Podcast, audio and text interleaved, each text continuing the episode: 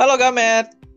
Halo Ari, gimana nih hari Jumatnya? Jumat ceria nggak nih? Oh iya, kaya dong. Kan Jumat berkah. Oh iya ya. Iya. Selamat datang kembali di em, podcast Bandalem Bercanda Malam-malam. Malam-malam. Eh, jadi ini gue tuh sebenarnya kemarin tuh lupa harusnya tuh kita nyapa kayak gitu dulu di awal soalnya di episode 3 kemarin kita nggak ngucapin itu sama sekali gitu kan lucu ini orang ngomong siapa gitu tahu lupa judul kita sendiri Iya saking kita ambisnya banget gak sih ngomongin tentang friendzone. Jadi Iya. teman-teman yang belum denger episode 3 harus denger episode 3 ya tentang friendzone loh guys. Iya. Gue nulis ini di deskripsinya dari pakar friendzonologi anjir. Asik. Jadi sekarang friendzone tuh ada ilmunya, Oh friendzonologi. iya ya. Berarti kalau itu gue udah sarjana dong ya harusnya. Ini iya kurang lebih. Oke deh, kali ini kita bakal bahas tentang finance. Nah, judulnya apa? Gimana, Ri? Mudah dan duit. Uh, duit, duit, duit, duit, duit. Ini harusnya ada ininya, ada musik-musiknya gitu biar kayak yang orang-orang podcast-podcast yang profesional gitu kayak dia nyebutin judul terus ada efek-efek suara gitu ntar lagu coba cari. iya, guys. Nanti kita tambahin deh. Ada bunyi berduit, berduitnya.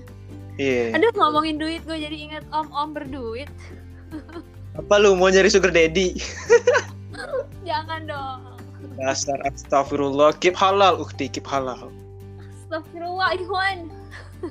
Oke, jadi ini kita mau ngomongin muda dan duit. Lu kenapa sih mau ngangkat tema ini gitu, ngangkat topik ini gitu? Kita tuh ngangkat topik ini karena eh, ada dua perspektif ya. Jadi eh, di masa muda ini ada orang yang bilang kayak "Hmm, nabung tuh penting, tapi ada juga yang bilang kayak ya udahlah kan kita belum berpenghasilan, jadi nabung ntar aja gitu. Kalau lo sendiri tuh yang mana sih? Kalau gua em, sebenarnya nabung. Cuma ya itu sih kelemahan gue ya. Gue tuh susah banget buat nabung. Kadang tuh kekumpul duit, tapi ada aja gitu pengeluaran yang sebenarnya bukan bukan apa sih ya? Bukan sekunder juga, bukan yang nggak penting juga gitu. Tapi ada aja gitu hingga akhirnya ya ngumpul-ngumpul dikit habis, ngumpul-ngumpul dikit habis. Hingga ya itu susah nabung. I see. Kalau gue sih tipe-tipe yang penabung abis. gitu. Apa nabung? Wah, gue nabung dong. Gila nggak tuh? gue sebelumnya mau nanya dulu lu kalau nabung lu kan ini masih mahasiswa nggak jualan juga di sosial media lu dapat duit dari mana Jelas kalau nabung tuh gue tuh dapat ya pasti kan kita dapat ya uang jajan dari orang tua. Pertama sih uang jajan dari orang tua, terus kayak kedua tuh ada bisnis lah kecil-kecilan. Jadi ya lumayan lah, tapi eh, lebih banyak sih prefer ke pemasukan dari orang tua sih kalau gue. lu nabung buat apa dia orang kan ini ada orang kan nabung buat eh nabung buat beli ini gitu nabung buat beli itu atau nabung buat kawin kah? Apakah Ukti sudah siap? Belum, belum ada hilalnya. terus lu gimana? Kalau gue sendiri ya uh, gue itu tipikal orang yang nabung tuh bener-bener komit gitu. Jadi gue anaknya konsisten abis juga. Jadi kalau gue tuh pakai tau gak sih gue pernah baca ini kalau nggak salah tuh uh, cara nabungnya Elizabeth Warren kalau nggak salah. Nah di mana dia itu membagi 50 30 20 nah gue tuh paham itu juga. Jadi contohnya misalnya gue dikasih bulanan sama orang tua gue misalnya sejuta. Nah sejutanya itu tuh gue bagi nih 50 persennya berarti kan 500 ribunya itu. Nah itu gue kasih buat ke- eh, keperluan dan kebutuhan. Nah gue tuh Oh. bener-bener nggak boleh nih lewat dari kebutuhan itu gitu. Jadi misalnya berarti kan 500 ribu nih. Nah 500 ribu itu tuh bener-bener gue pakai buat kebutuhan gue kayak beli makan segala macam gitu. Namanya juga anak rantau kan? Kayak gitu kalau gue. Lu rantau Nah. dari Bekasi ke Bandung rantau ya? Ih rantau itu bu. Bekasi kan ini Bekasi kan planet lain. Parah banget. Nah terus habis itu Ah. kalau tiga puluhnya itu tiga puluhnya itu buat keinginan. Nah kan kadang kita tuh kayak anak muda kan ah gue pengen check out shopee nih atau apa gitu Iya, iya, mau iya. ini beli ini nah itu pakai 30% itu. Jadi bener-bener gue nggak boleh nih lewat dari 30% itu. Misal gue mau beli sepatu ya berarti ya harus dari 30% itu dan 20% nya itu buat tabung. Nah tabung ini nggak boleh banget banget dimain-mainin gitu. Jadi ya udah kayak lo sedekah aja gitu loh. Jadi itu bener-bener lo lo simpen gitu. Jadi gue pakai paham itu. Tapi gue juga di bagian nabung ini gua ini gua sisihinnya tuh beda-beda gitu loh ada jenisnya jadi kayak ini tuh nabung buat uh, buat orang tua jelas kan ini nabung Ah. buat orang tua nih Uh, terus juga oh ini nabung buat beli kuota misalnya nah beli kuotanya itu Iya, iya, iya, beli kuota. bener iya nah jadi gua tuh nabung beli kuota tuh jadi kadang kan nggak kepake ya apalagi Iya. buat kampus-kampus gini kan jadi jadi gua pakai buat gitu kan terus atau nabungnya itu buat masa depan gue atau buat pelatihan. Dan ada juga yang nabung buat invest emas gitu. Jadi bener-bener pure kepegang gitu loh. Dan alhamdulillah sih banyak. Karena kan kayak per bulan nih ibarat per bulan lo nyiapin 30.000 ribu aja buat emas tuh kalau lo komit lo tuh dapetnya banyak gitu dan bisa lo pakai gitu. Tuh kalau gue gitu. Kalau lo gimana? Lo nabung gak nih? Iya, tunggu gue. Tadi lu ketinggalan 20 persennya ke mana? Ya 20% tuh nabung 30% keinginan Em, oh iya iya iya iya iya. Berarti eh terletak sekali ya Anda ini apa tidak membosankan gitu? justru itu tantangan sih dulu tuh gue anaknya lumayan hedon ya kayak ya uang tuh ber ber ber, ber- gitu. Nah terus sekarang tuh setelah menganut paham itu yang keingin kebutuhan kan jadi cuma 50% ya. Itu bener-bener cuy kayak nih gue mau beli bensin. Mikir dulu gitu loh. Tapi gue seneng hasilnya tuh ah cukup gitu. Iya iya iya. Berarti em, ya ini sedikit apa ya edukasi kali ya nyebutnya ya buat sobat-sobat apa sih? Gue manggilnya sobat ini kali ya sobat bandalem. Solem Ya. solem sobat dalam ya ini sedikit eh, insight atau edukasi buat sobat bandalem yang mau nabung yang masih suka bingung gitu. Gue nabung nab kadang kan orang gini dia nabung tapi nggak beraturan gitu. Kayak eh, sisihin sedikit tapi ya nominal itu nggak ada. Akhirnya ditabung aja ditabung aja. Akhirnya ketika ada keperluan buat eh, pengeluaran inti kayak tadi lo bilang buat makan buat bensin gitu akhirnya ya yang keambil dua tabungannya lagi nggak akhirnya tuh tabungannya tuh nggak bersisa lagi gitu ya kurang lebih kayak gue tadi sih Oh, I see.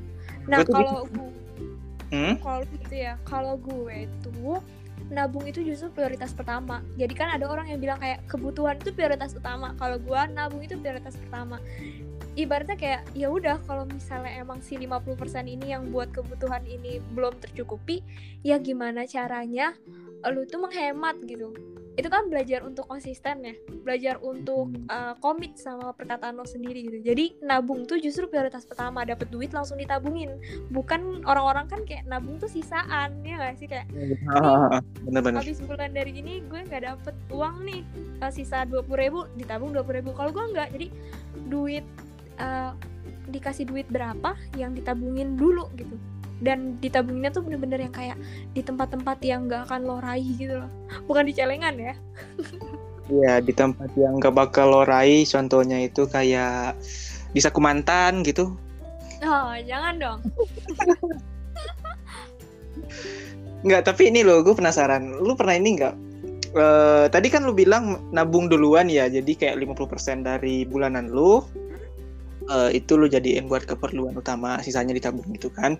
Hmm. Nah, kalau misalnya 50% ini habis dan lu masih perlu, lu ngambil duit celengannya nggak? Eh apa? Duit tabungannya nggak? Eh, enggak Terus malah gimana? justru biasanya selalu kesisa loh di keinginan itu jadi gue bukan gue tuh bukan tipikal orang orang kayak orang-orang pada umumnya gitu kalau orang-orang pada umumnya dapet duit mereka langsung foya-foya kan kayak eh, bulan pertama nih belanja belanja belanja. Kalau gue tuh enggak justru kalau gue belanja itu pasti di bulan akhir. Jadi bener-bener beda gitu loh gue tuh budayanya. Eh, yang kalau baru gajian gitu, terus jalan-jalan ke mana-mana, apa sih istilahnya? Gue lupa. self love Bu- bukan bukan. Apa ya? Self self juga cuma kayak self appreciation apa ya? Ya gitulah pokoknya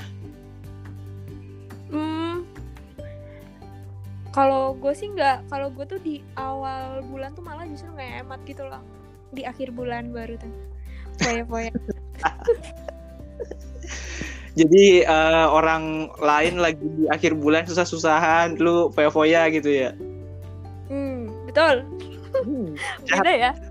jahat sekali anda ini diporotin gak lu akhir bulan sama teman kosan tuh Enggak lah. Enggak lah, udah tertata gak sih? Iya Jadi iya bedanya tuh gitu loh. Terus pun ya, kayak tempat buat nabung juga kayak gue tuh beda gitu. Kan gue tuh punya dua ATM gitu. Nah, ini kan sebenarnya tips nih buat dari gue. Kayak eh, kita kan punya ATM kampus ya, sama ATM yang pribadi nih misalnya. Nah, Ya. jadikan salah satu ATM itu ATM yang buat lo nabung. Jadi lo nggak akan main-main tuh di ATM itu. Jadi bener-bener pure eh, lu kalau belanjain kebutuhannya. Jadi kalau gue dapet eh, bulanan nih, langsung gue transfer nih seberapa sekian yang buat nabung ke ATM yang lain gitu. Nah jadi bagaimanapun juga gue harus ngabisin yang di ATM yang emang buat keperluan gitu. Kayak gitu Oh, kalau gue. Iya iya bisa bisa bisa bisa. Ya kayaknya kalau gue sih ya gue salahnya di situ. Soalnya gue tuh sebenarnya ada dua tabungan, ada dua bank gitu. Cuma yang gue pakai itu cuma satu. Ya Hmm.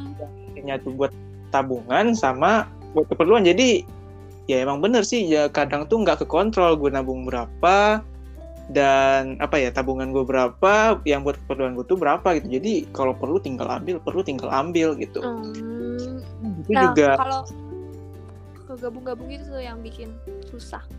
Mm-mm. Tapi lu pernah ini nggak? Lu pernah memakai kayak kan ada ya aplikasi buat nabung itu apa aja sih namanya tuh kayak em, apa sih ya Bibit namanya? nggak sih? Bibit ID ya? Apa sih? Bibit itu mah investasi oh, bukan iya, apa? investasi ya? Tahu gue. yang dari BTPN itu sih? Gue lupa namanya.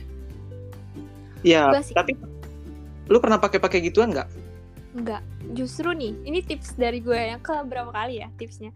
Tips Yang gue keempat. adalah kalau yang keempat, kalau lu mau nabung, Mm-mm. kan tadi gue udah bilang kan, yang satu ATM keperluan, yang satu ATM eh, yang emang buat nabung. Tapi kalau misalnya seandainya nominal di ATM lo itu udah banyak, misalnya eh, sejuta atau misalnya 500 ribu gitu, lo transfer ke eh, kalau gue tuh suka pakai aplikasi laku emas. Nah, aplikasi laku emas tuh kayak kita beli emas gitu, emas virtual.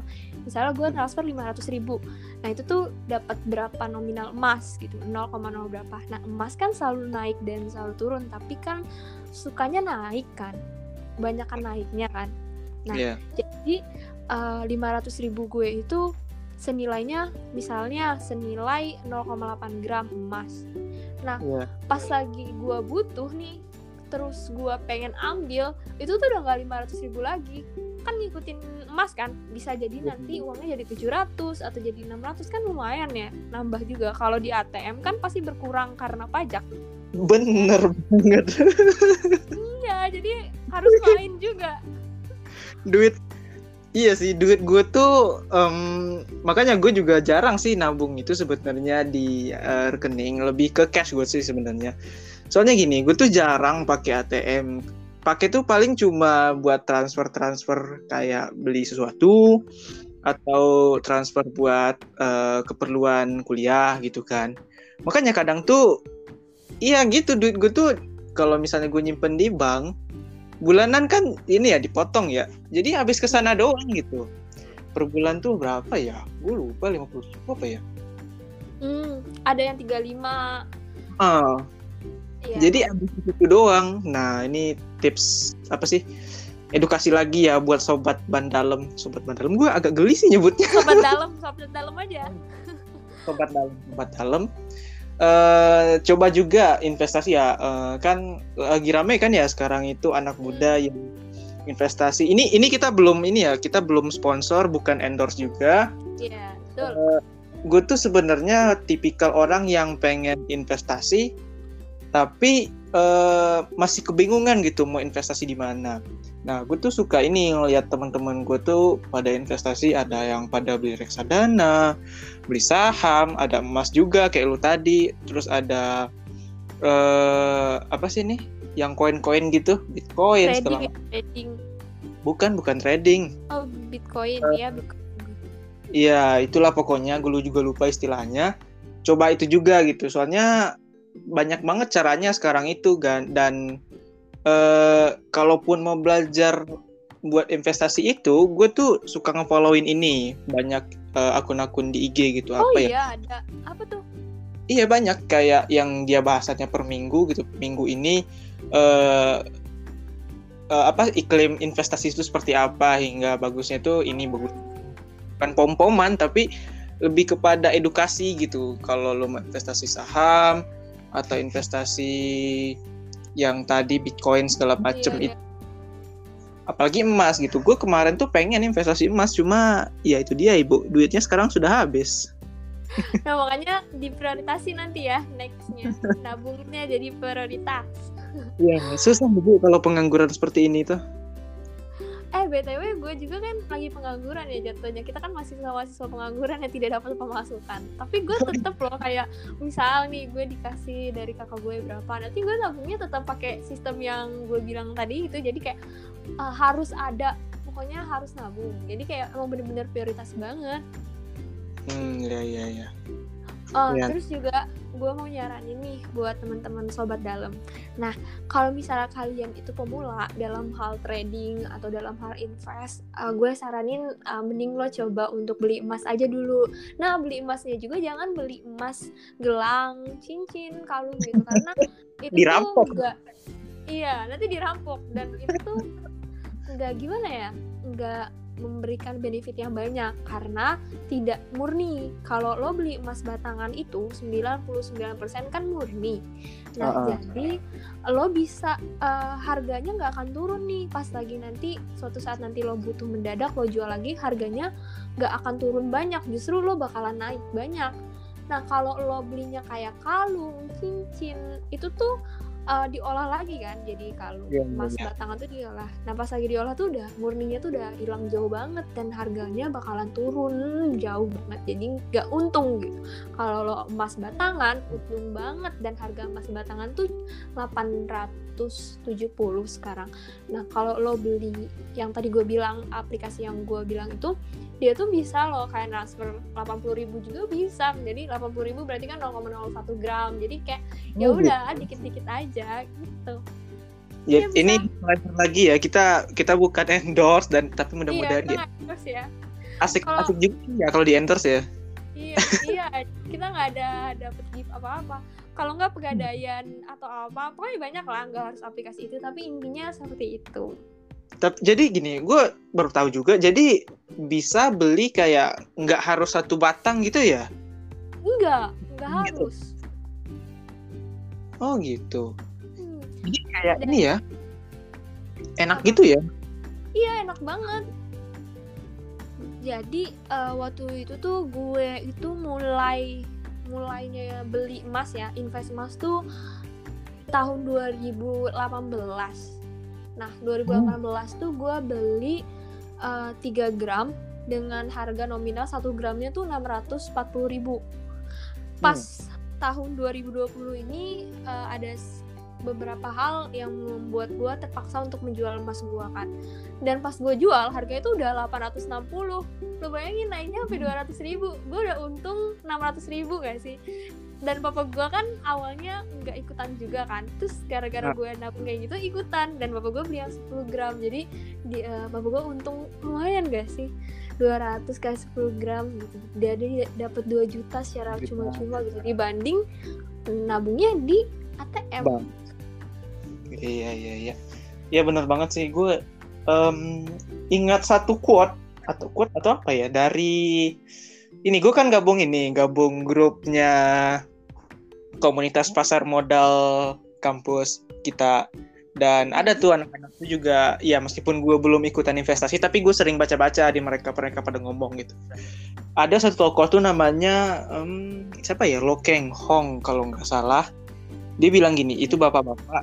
Dia bilang gini kalau seandainya lu tuh mending nabung berbentuk investasi ketimbang lu nabung di bank gitu ya balik lagi kayak tadi lu nabung di bank per bulan lu tuh dipotong buat uh, hmm. bea gitu sementara duit lu itu tuh ya stagnan di situ aja gitu dan nggak hmm. numpuk malah merosot gitu kan ya udah mending lu investasiin uh, terserah mau instrumennya apa aja gitu kan ada banyak ya meskipun ada resiko tapi kalau lu ngikutin track record-nya atau jalurnya ya syukur-syukur lu dapet gitu. Mm-hmm. dan bahkan ya uh, dulu kan gue pernah iseng. Berapa sih bunga bank gitu kan? Nah waktu itu gue iseng karena gue uh, nggak mau ada riba di ATM gue gue datang lah ke salah satu bank. Gue bilang pakai bawa buku tanggungan segala macam gue bilang uh, bu saya mau ambil aja bunganya diambil aja dari bunga yang ada di ATM saya tuh ambil aja. Nah karena itu ATM-nya baru banget kepake dan cuman nominalnya ada 2 juta. Nah uh, ternyata lu tau nggak bunganya cuman berapa? Cuman tiga ribu cuy. Sama. Itu terus kayak tiga ribu. Kan bulan gue bayar tiga puluh lima ribu kan jatuhnya. Jadi kan rugi ya. Jadi tunggu mending gak usah gitu cappuccino cincau aja. Zaman sekarang tuh udah sepuluh ribu loh. Iya terus gue kayak oh cuma tiga ribu? Udahlah gue misalnya tapi untungnya kan ATM gue jadinya bersih dari riba kan. Nah kalian teman-teman juga bisa tuh kayak gitu datang aja ke tellernya terus kayak uh, ke customer service nih ke customer service terus minta uh, bunganya dihapusin aja. Gitu jadi dikit banget ternyata. Terus jadi kan jatuhnya rugi mending lo invest emas kayak gitu kan. Iya iya iya iya apa sih tadi nama ininya? Ntar lu ini deh ntar lu mending ajarin gue deh biar gue tuh juga bisa investasi gitu. Soalnya oh, siap. Ya, apalagi semenjak pandemi ini dan ya sebelum pandemi emang lumayan gue ada uh, beberapa kerjaan sampingan. Dan selama pandemi pun juga selama WFH gini gue ada beberapa kerjaan sampingan tapi ya itu gaji ataupun penghasilannya itu nggak tahu ke mana beneran dan nggak tahu ke mana uh, katakanlah per bulan tuh gue ngehasilin 500 ribu nih dari hasil kerja gue selama WFH ataupun ya dari mana gitu 500 ribu. Tapi nggak kepegang nih duit. Jadi kayak uh, ada keperluan gue ambil ada keperluan gue ambil dan kadang itu nggak kehitung kayak nih duit diambil berapa keluarnya ke mana terus dibalikin lagi ke tempatnya. Jadi kadang di akhir bulan perasaan kemarin gue punya duit dah gue nyimpan segini gitu. Kok sekarang tiba-tiba udah hilang gitu? Soalnya ya itu lagi pengeluaran tuh juga harus dikontrol gitu harus diketahui oh. malah kalau bisa tuh dicatat gitu dicatat kayak ya nggak usah malu lah dikata lebay apaan sih ngeluarnya bulanan gitu? Lu juga masih kuliahan. Sebenarnya nggak nggak usah malu juga gitu kan iya. kan ada tuh mungkin buat nyatet pengeluaran tapi itu malah lebih baik. Jadi kalau lu di akhir bulan itu kebingungan nih duit pada ke mana lu nggak asal nuduh orang nih jangan-jangan teman iya, kosan gue iya, iya. kan berabe kalau tiba-tiba nuduh orang ma maling gitu. Kan padahal iya. lu ngeluarin duit lu tuh mana tahu COD Shopee atau lu tiba-tiba ternyata iya. uh, GoFood uh, PhD gitu. Apa sih PhD iya. ya itu. Dicatat gitu. Ini kayak gue ngomong padahal gue sendiri belum ngerjain gitu lucu juga. Tapi nggak bi nggak apa-apa lah jadi kan tips buat sahabat dalam ntar lah ini ntar gue cariin nama buat uh, oh, iya? dengernya dalam kurang kurang catchy gitu. Kan biar kita mendalam mendalamnya mendalam mengakrabkan gitu. Oh iya mendalam mendalam. Iya Oke. Okay. Nah, terus ada lagi nih satu sebelum ditutup tips gue. Gimana? Kalau lo mau nabung, lo misalnya lo punya visi nih, lo mau beli apa gitu. Misalnya kalau kalau uh, contohnya gue pengen beli mobil nih di tahun 2030. Nah, kita kan tahu ya kalau harga mobil atau harga rumah itu bakal selalu naik gitu. Nah, lo lo uh, lo tulis nih berapa sih berapa juta gitu. Misalnya uh, bilanglah 150 juta buat beli mobil gitu. Nah nanti 150 juta itu lo bagi nih lo bagi uh, dari tahun 2021 nih. Dan gue hmm. pengennya punyanya 2026 misalnya. Nah berarti kan gue punya waktu 6 tahun nih lima Iya. tahun lah gue punya waktu lima tahun. Nah itu tuh gue bagi. Per lima tahun tuh jadi dalam satu tahun tuh gue harus nabung berapa sih? Terus dari per bulan tuh gue harus nabung berapa sih?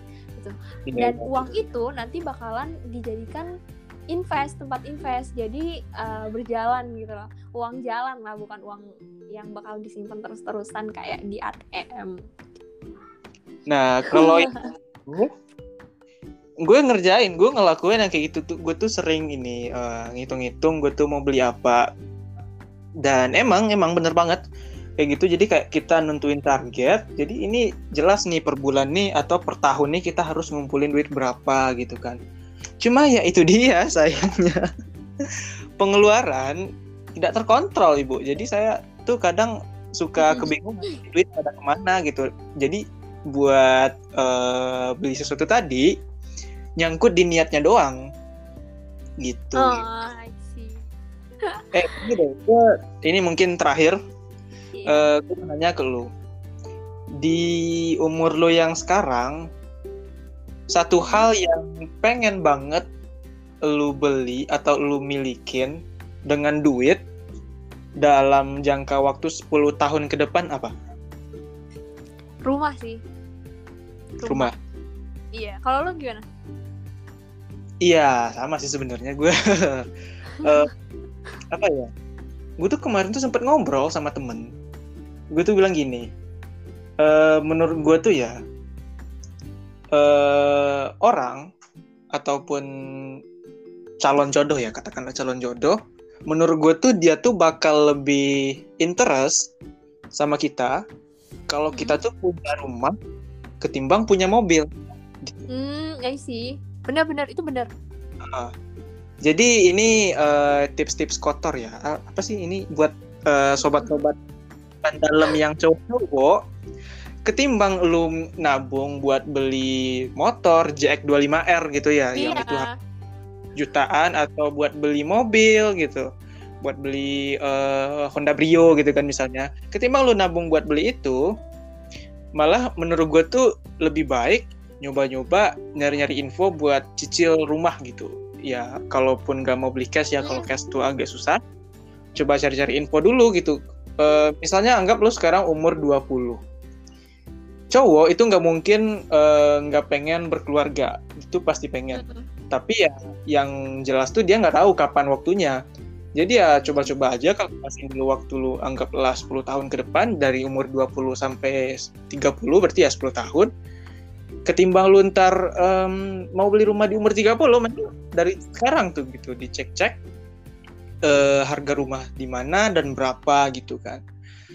Jadi lu ntar ketika lu udah siap untuk berkeluarga ya ketimbang lu punya mobil dan nggak punya rumah ya mending lu Iya, punya rumah. Setuju setuju. Setuju banget anjir. Soalnya eh, kendaraan itu bakalan turun harganya ah bener banget. Iya kalau banget. itu selalu naik. Jadi beli rumah sih properti lah ya. Ya properti. Atau ini kalaupun lu belum mau nempatin bisa disewain buat kos-kosan. Betul. Ya jadi gue tuh ada gue tuh ada ini juga kepengen sama temen buat eh, investasi bikin kos-kosan. Cuma iya itu balik lagi dananya belum ada ibu. Iya nanti bu eh, nabung dulu. Kerja dulu nggak sih? Biar ada penghasilan. Iya itu dia. Investasi Iya, dan nabung. Mudah dan duit.